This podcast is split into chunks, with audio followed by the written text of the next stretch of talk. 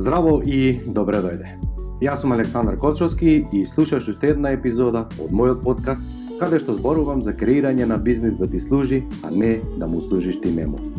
Секој успех има своја цена. Една од цената која што треба да ја платиме за да изградиме успешен бизнис и живот е лична едукација, а тоа е што представува моја страст. Здраво и добре дојде на новата сезона, подкаст број 1, во кој што ќе зборуваме за раст пати 10. Зошто распати 10? Затоа што се живо веќе се бр... менува брзо и доколку твојот бизнис расте 5% и 10% на годишно ниво, тоа значи дека веќе заостануваш затоа што инфлацијата ти е толку и малте не ја повторуваш истата година, цените се подигнаа и ти ако гледаш вредносно, нели, а, колку си направил промет 2023, а колку 2022, ќе забележиш дека 10-20% имаш раст, што значи ти немаш раст, туку прометот ти е идентичен со минатата година, а тоа значи се должи на инфлацијата. Цените самите се покачија, значи двојот бизнис не пораснал. Е сега, кога ја правиме оваа вежба со предприемачите на мастермайнд кои што доаѓаат, а мастермайнд е растегнување на памет или група на луѓе кои што размислуваат, а не работат, ја правиме оваа вежба и ова, знам, секогаш им создава главоболка, а, тоа е дека дали е можно прво да постигнеме раст пати 10, дали не е можно, дали е млатење слама или едноставно се подготвени, не се подготвени, има милион прашалници. А зошто? Затоа што луѓето кои што имаат работнички мајндсет размислуваат следно. Ако правам промет пола милион евра и работам по 10 часа на ден, логично за да заработам, односно да направам промет од милион евра, тоа значи дека треба ја да работам сега по 20 часа. И ова знаеш дека не може. И еве ти проблем. И што размислуваат најчесто луѓето? Сега не ме гледаат децата, ме нема дома цел ден, а, не можам да одам ни, не знам, ни фитнес, ни, ни движење, ни хоби, ни здравје, ни здрава храна, ни ручек еден ме нема дома. А замисли, ако имам дупло поќе работа, значи најбав. А каде ли е па тоа пати 10? Е, овде е поентата. Што вика Чичко Алберт Ајнштајн, Бог да опрости, дека не можеш да го решиш проблемот на идентичен начин на кој што си го реши, создал или со други зборови кажано, дека не можеш со исти активности кои што си ги правил до вчера да добиеш нови резултати, односно ја докажа како дефиниција на лудост. И па еве ти ја поентата.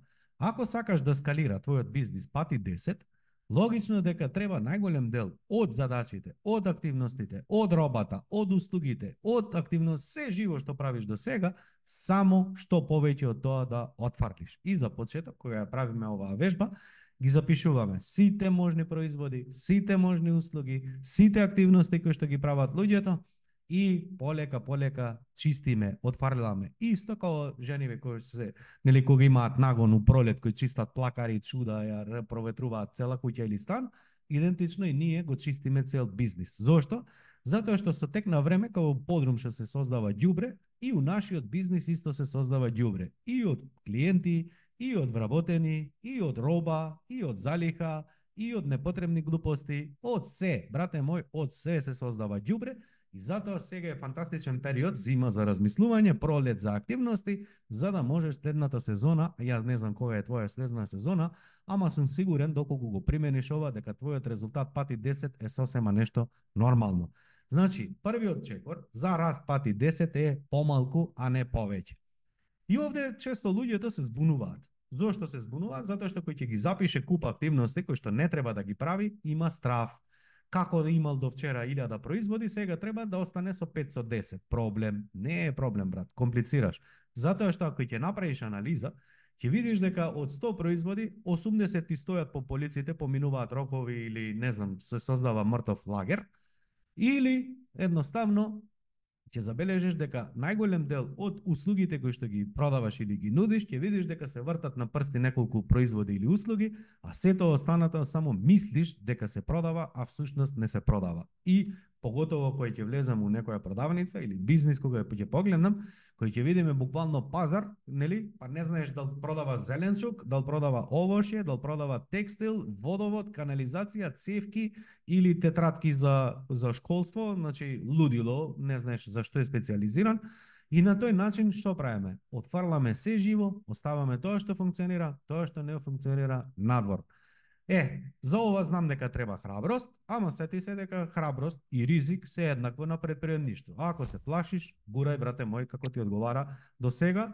За мене кога станува збор, ја немам 100 производи, се држам до оние три кои што ги имам, си ги работам тие со мала група луѓе, си оди секако што треба, фокус на идеален клиент, за секогаш се подобрувам како се трудам да се подобрам како подобро да добиваат резултати за што пократко време, значи фокус на клиент а не на заработка, на количина на производи, не фокус на алати, машини, опрема, затоа што таа трка е кон трка кон дното, затоа што колку и ти да мислиш дека си голем, колку да мислиш дека ти треба машини, алати, опрема, објекти, чуда, кога и да се завртиш околу тебе, секогаш ќе забележиш поголема фирма со подобри, не знам, услови за работа, со повеќе вработени, значи повторно доаѓаме до заклучок дека помалку е повеќе, и дека ако сакаш твојот бизнис да скалира пати 10, треба да се ослободиш. Или, еве ти еден пример, замисли сега кога еден војник би облекол полна радна опрема и не само лична опрема, туку да земе, не знам, еве цел арсенал што постои, не знам, тамо по магазини, да се обиде да ја земе да земе се на себе и да земе да трча со денови да да војува. Таа битка е изгубена затоа што едноставно ќе се умори уште пред да започне со работа и логично еве ти зошто предприемачите се заморни. Затоа што наместо да се фокусира на еден производ, на еден клиент, на една понуда и да биде доктор, мајстор за таа услуга или производ, тие на тој начин само ја пропуштаат приликата да растат, затоа што 10% се у оператива, 20% се у набавка, 30% се у продажба, 4% разговараат на телефон, 6% идат на кафе и кој ќе видиш, пријателе мој, цел ден ти поминал, што сработа ништо, што допринесе нешто ново, ништо, остануваат преписките од вчера, од некнија, од нова година и еве и јануар веќе полека го завршуваме, и ќе забележиш дека се вртиш у круг.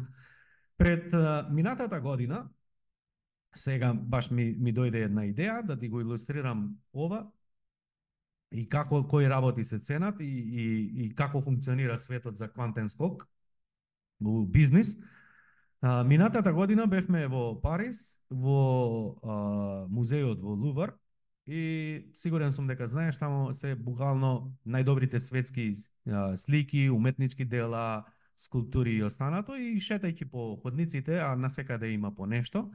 Бевме со водич, беше фантастично, за секоја слика има своја приказна, позади секое дело има своја приказна и како што одевме на едно место, дојдовме до една скулптура на Михеланджело, каде што доколку а, на самата скулптура прочиташ доле, пишува, века, јас не создавам никакви дела, јас не сум никаков научник, јас никак не сум ништо надпросечен, туку едноставно од секој во секој камен вели дека постои а, ремек дело. Моја задача е само да го отварлам вишокот. Или што тоа би значело, кој камени да земе, коцка, квадрат, не е битно, што прави он? Ќе замисли како треба да изгледа таа слика, односно како треба да изгледа тој финален производ и полека полека само ги отфарла нели вишокот од каменот. Е, ова треба да го направиш и твојот бизнис. И еве сега ќе ти кажам како тоа можеш да го направиш. Значи, првиот чекор се само да те подсетам е да запишеш све живо, производи, услуги, луѓе, вработени, значи све живо да погледнеш сите девет сегменти на твојот бизнис да запишеш и се што не ти се допаѓа, све што не функционира, све што не се троши, едноставно аут, чисти. Е. Втора работа што треба да направиш за да скалираш пати 10 е само да седнеш и да размислиш, а многу едноставно, кога и да им поставам прашање на луѓето, одмах од пушка знаат да кажат. Кој е твој идеален клиент или да не ти комплицирам со термини, со кој сети се, само размисли, од сите клиенти кои што ги имаш до сега или си ги имал во минатото, со кој клиент буквално си сакал и си рекол, е, вакви да ми се сите, е, бомбона, да ти е кејф да работиш.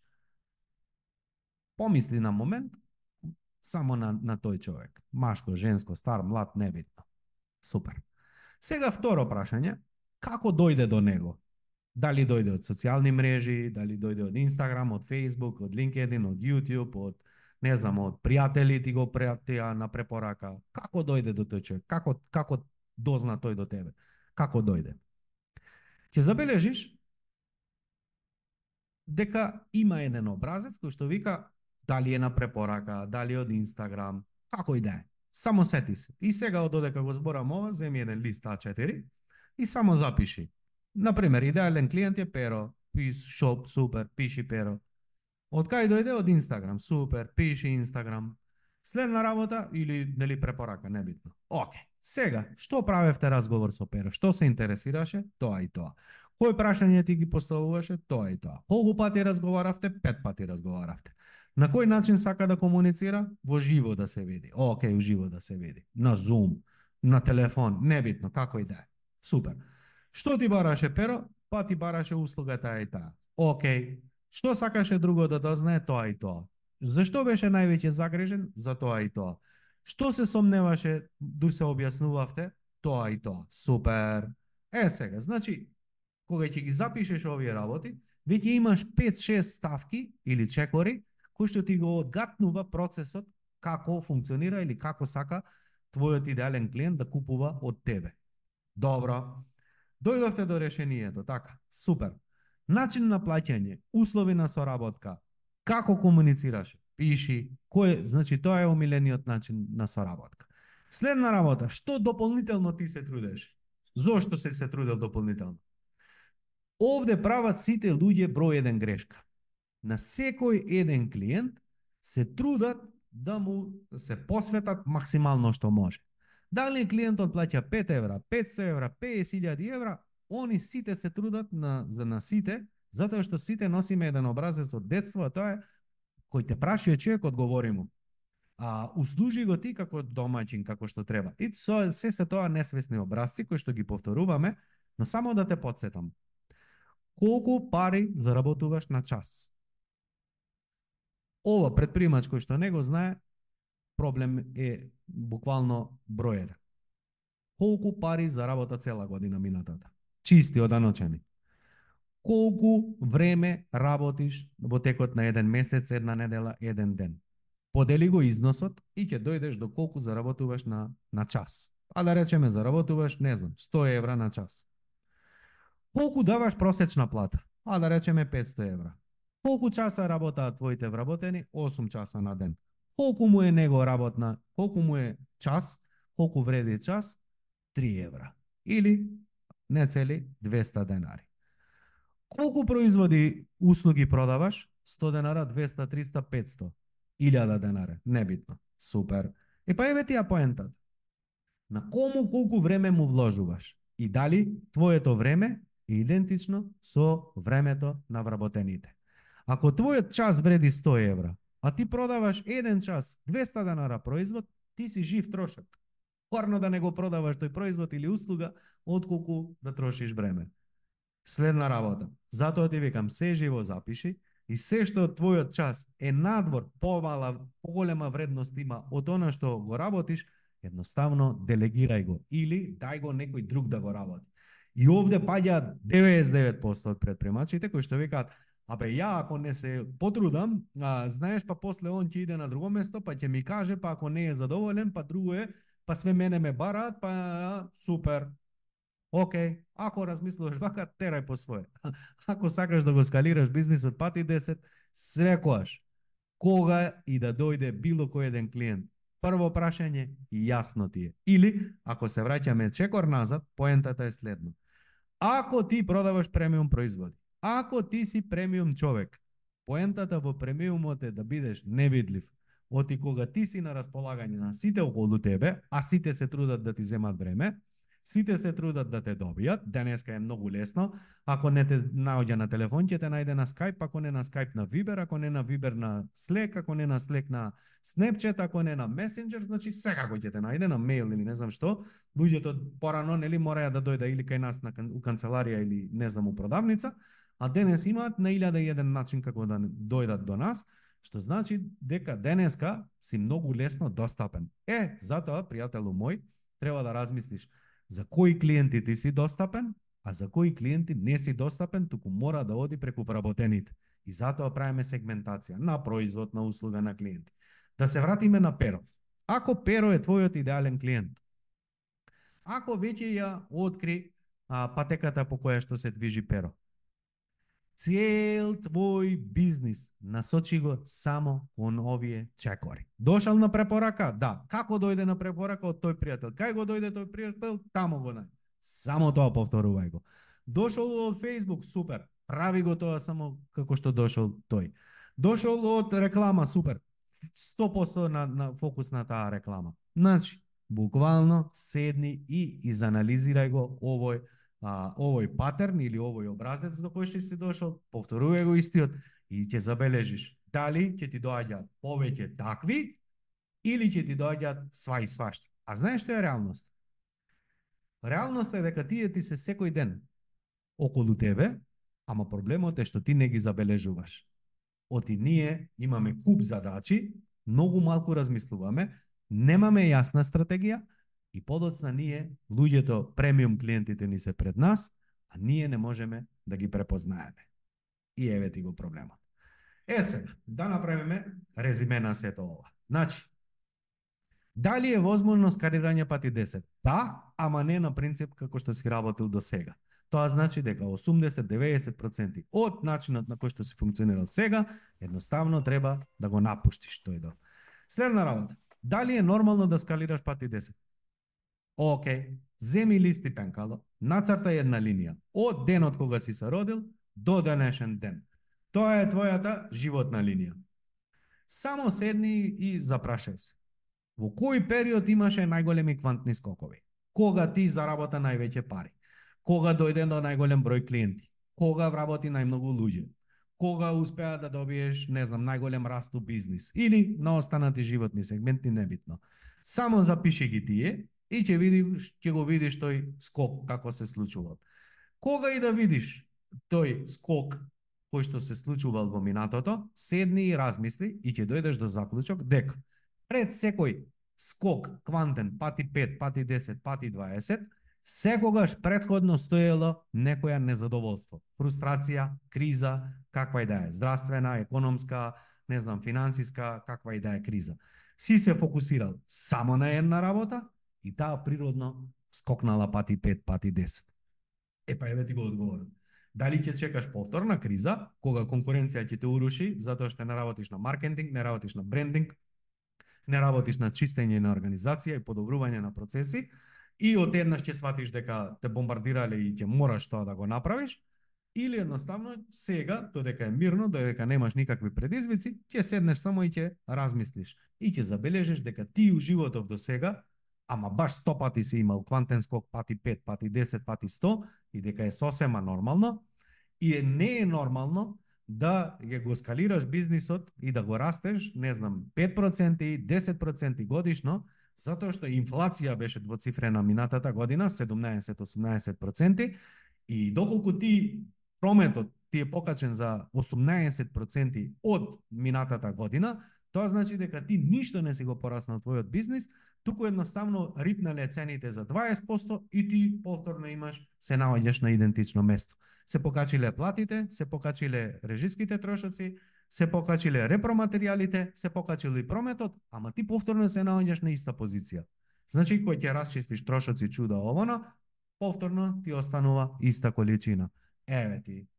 Е сега, следна работа што треба да размислиш. Дали е подобро да имаш 100 вработени, кај што не се знае кој јаде кој пие или просечни, или е подобро да имаш 10 специјалци, добро платени, кои што ќе гинат и за себе и за својот бизнис. Зошто викам гинат?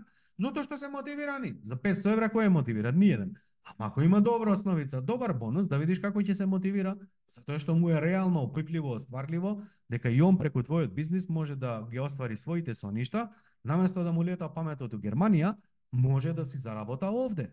Значи поентата е ти да разговараш со твоите вработени, што сака, што не сака и да полека полека да му овозможиш. Сите оние кои што се од најниска вредност, не слуша, недисциплиниран, гледаш дека се однесува џабе и му збориш. Едноставно рак у фирма, само брате мој, сега е шансата, чисти ѓубре, затоа што види 2024 ќе летне вака, исто како и 2023 и кој ќе гледаш следната година Исто во видео, само ќе ти биде криво зашто не си ја послушал оваа лекција.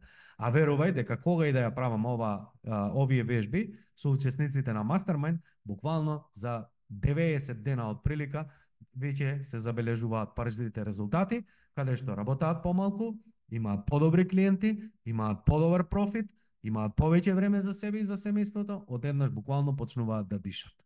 Зошто да чекаш криза кога можеш се тоа да го направиш и е сосема нормално. Е, сега каде доаѓаме до клучот? Па клучот е кога ова сега, ова подкаст епизода или видео, не знам каде ќе го гледаш или слушаш, Поентата е да не биде во движење, поентата е да не биде, не знам, додека чекаш но, у ходник некаде, или не знам со телефонот у рака додека се движиш, како и да е, туку поентата е стисни стоп и под, направи си подсетник да го гледаш ова кој ќе дојдеш време, дома, обезбеди си 15-20 половина час да го прегледаш ова видео и обезбеди си уште барем еден час да седнеш и да поминеш чекор по чекор се овие што ти ги кажав и да ги запишеш. И знам одлично искуство пред 10 години, кога прв пат почнав да гледам подкасти, да одам по курсови, па да одам по семинари, или ќе читам некоја книга или како и да е, и само ќе прочитам, ќе ми дојде нешто интересно, завршило тоа ја оди на друго видео, на друга книга или не знам што, и мислев дека луѓето нешто кријат, дека уште нешто, дека кога они да бе они кажуваат ама сигурно нешто ми крие што е важно или не знам што. И ова 100% можат да ти го потврдат учесниците кои што се на Mastermind дека јас сум истиот дали некој ми плаќа или работам бесплатно дека буквално истото го зборувам истите вежби ги правиме единствената разлика која што тие ја добиваат а ти во моментот не можеш да ја добиеш е фидбек од моја страна затоа што ти ова ќе го слушаш и остануваш со твојот памет да пишуваш решаваш И ја не можам да ти кажам што си направил добро, што е лошо, а што треба уште еднаш да преработаш, на што треба да се вратиш, или да собереш храброст, да ти речем, е, чекај, перо, полека, дај, испарли ова, испарли ова, ајде, ајде, ајде. Значи, е, таа е разликата што не можам, нели, немаме интеракција. Инаку, се ова што ти го зборувам буквално идентично и ако не си дел од мастермајндот и секако и не можеш да бидеш сега, нели, уписите се не се се уште во тек, а, буквално примени си го ова, немој да чекаш, немој да губиш време додека има следен упис, па додека ова ти го објаснувам, па додека ти го имплементираш, немој да си губиш време, седни, прегледај го, чекор по чекор, запиши и нека ми простат, ама имај муда еднаш како прав предприемач да очистиш ѓубрето буквално во секоја смисла, ослободи се од услуга, од производи, од клиенти, од од вработени, од се она што ти е вишок, и знам дека ќе ми пишеш писмо после на 90 до 100 дена и да ми кажеш фала како што еден куп луѓе ми пишуваат секој дневно дека едноставно ова што го зборувам функционира. За самиот крај да те подсетам, односно да те известам дека на 24 февруар во хотел Хилтон ќе одржам еден тренинг а, на тема скалирање, систематизирање и одржување, значи под наслов скалирај, систематизирај, одржи Овој тренинг го правам еднаш годишно, така да сега ти е прилика доколку сакаш да го скалираш твојот бизнис, да изградиш системи, се ова што ти го зборував Перо и сите останати, како се тоа, тоа тој систем да функционира и да обстои на долг период, значи да го одржиш оној раст кој што си го создал. А, да видиме дали си подготвен или треба некои чекори да завршиш пред скалирање, во смисла на тим, во смисла на организација, во смисла на ресурси, како би бил подготвен. Од друга страна, ќе погледнеш директно во принципите кои што ги работам со групата на Mastermind учесници, конкретни вежби, конкретни задачи и конкретно семинарот, односно тренингот, буквално ќе излезеш со јасна скрипта, со јасна стратегија за цела 2024 година. Ќе ги пронајдеме сите места кои што треба да ги отфрлиш и на што да се фокусираш, да бидеш ласера на сијалица. Ќе креираш акцијски план и буквално кога имаш кристална јасна слика, кога имаш јасен фокус, кога имаш јасна мотивација, буквално си осуден на успех. Можеш под ова видео да погледнеш на во пријавата, ми побрзај, резервирај на време. Сабота, 24 февруар, хотел Хилтон од 10 до а, од 10 часот започнуваме, завршуваме во 17 часот, значи од 10 до 5 имаме пауза за ручек, за кафе, за се останато, имаме мастермен столчиња, имаме мастермен вежби, Значи имаме интеракција и конкретно немаме филозофирање, нема празни муавети, туку конкретно директно добиваш работни материјали, работиш чекор по чекор во твојот бизнис, ти давам фидбек, решаваме се што треба и нема шанса 2024 да немаш квантен скок. Се надевам дека ќе го примениш ова или насока која што ти ја давам и доколку се пријавиш, секако се гледаме во среда, ова во сабота на 24 февруар. Поздрав од мене и секое добро. Ти благодарам што одвои време да ме слушаш на овој подкаст. Доколку сакаш да соработуваш со мене, Најдоброто место е да се информираш за актуелните понуди е www.aleksandarkochovski.com и секако немој да заборавиш да се претплатиш на мојот newsletter, каде што исто споделувам бесплатни информации и навремено ќе дознаеш за сите бесплатни онлайн тренинзи.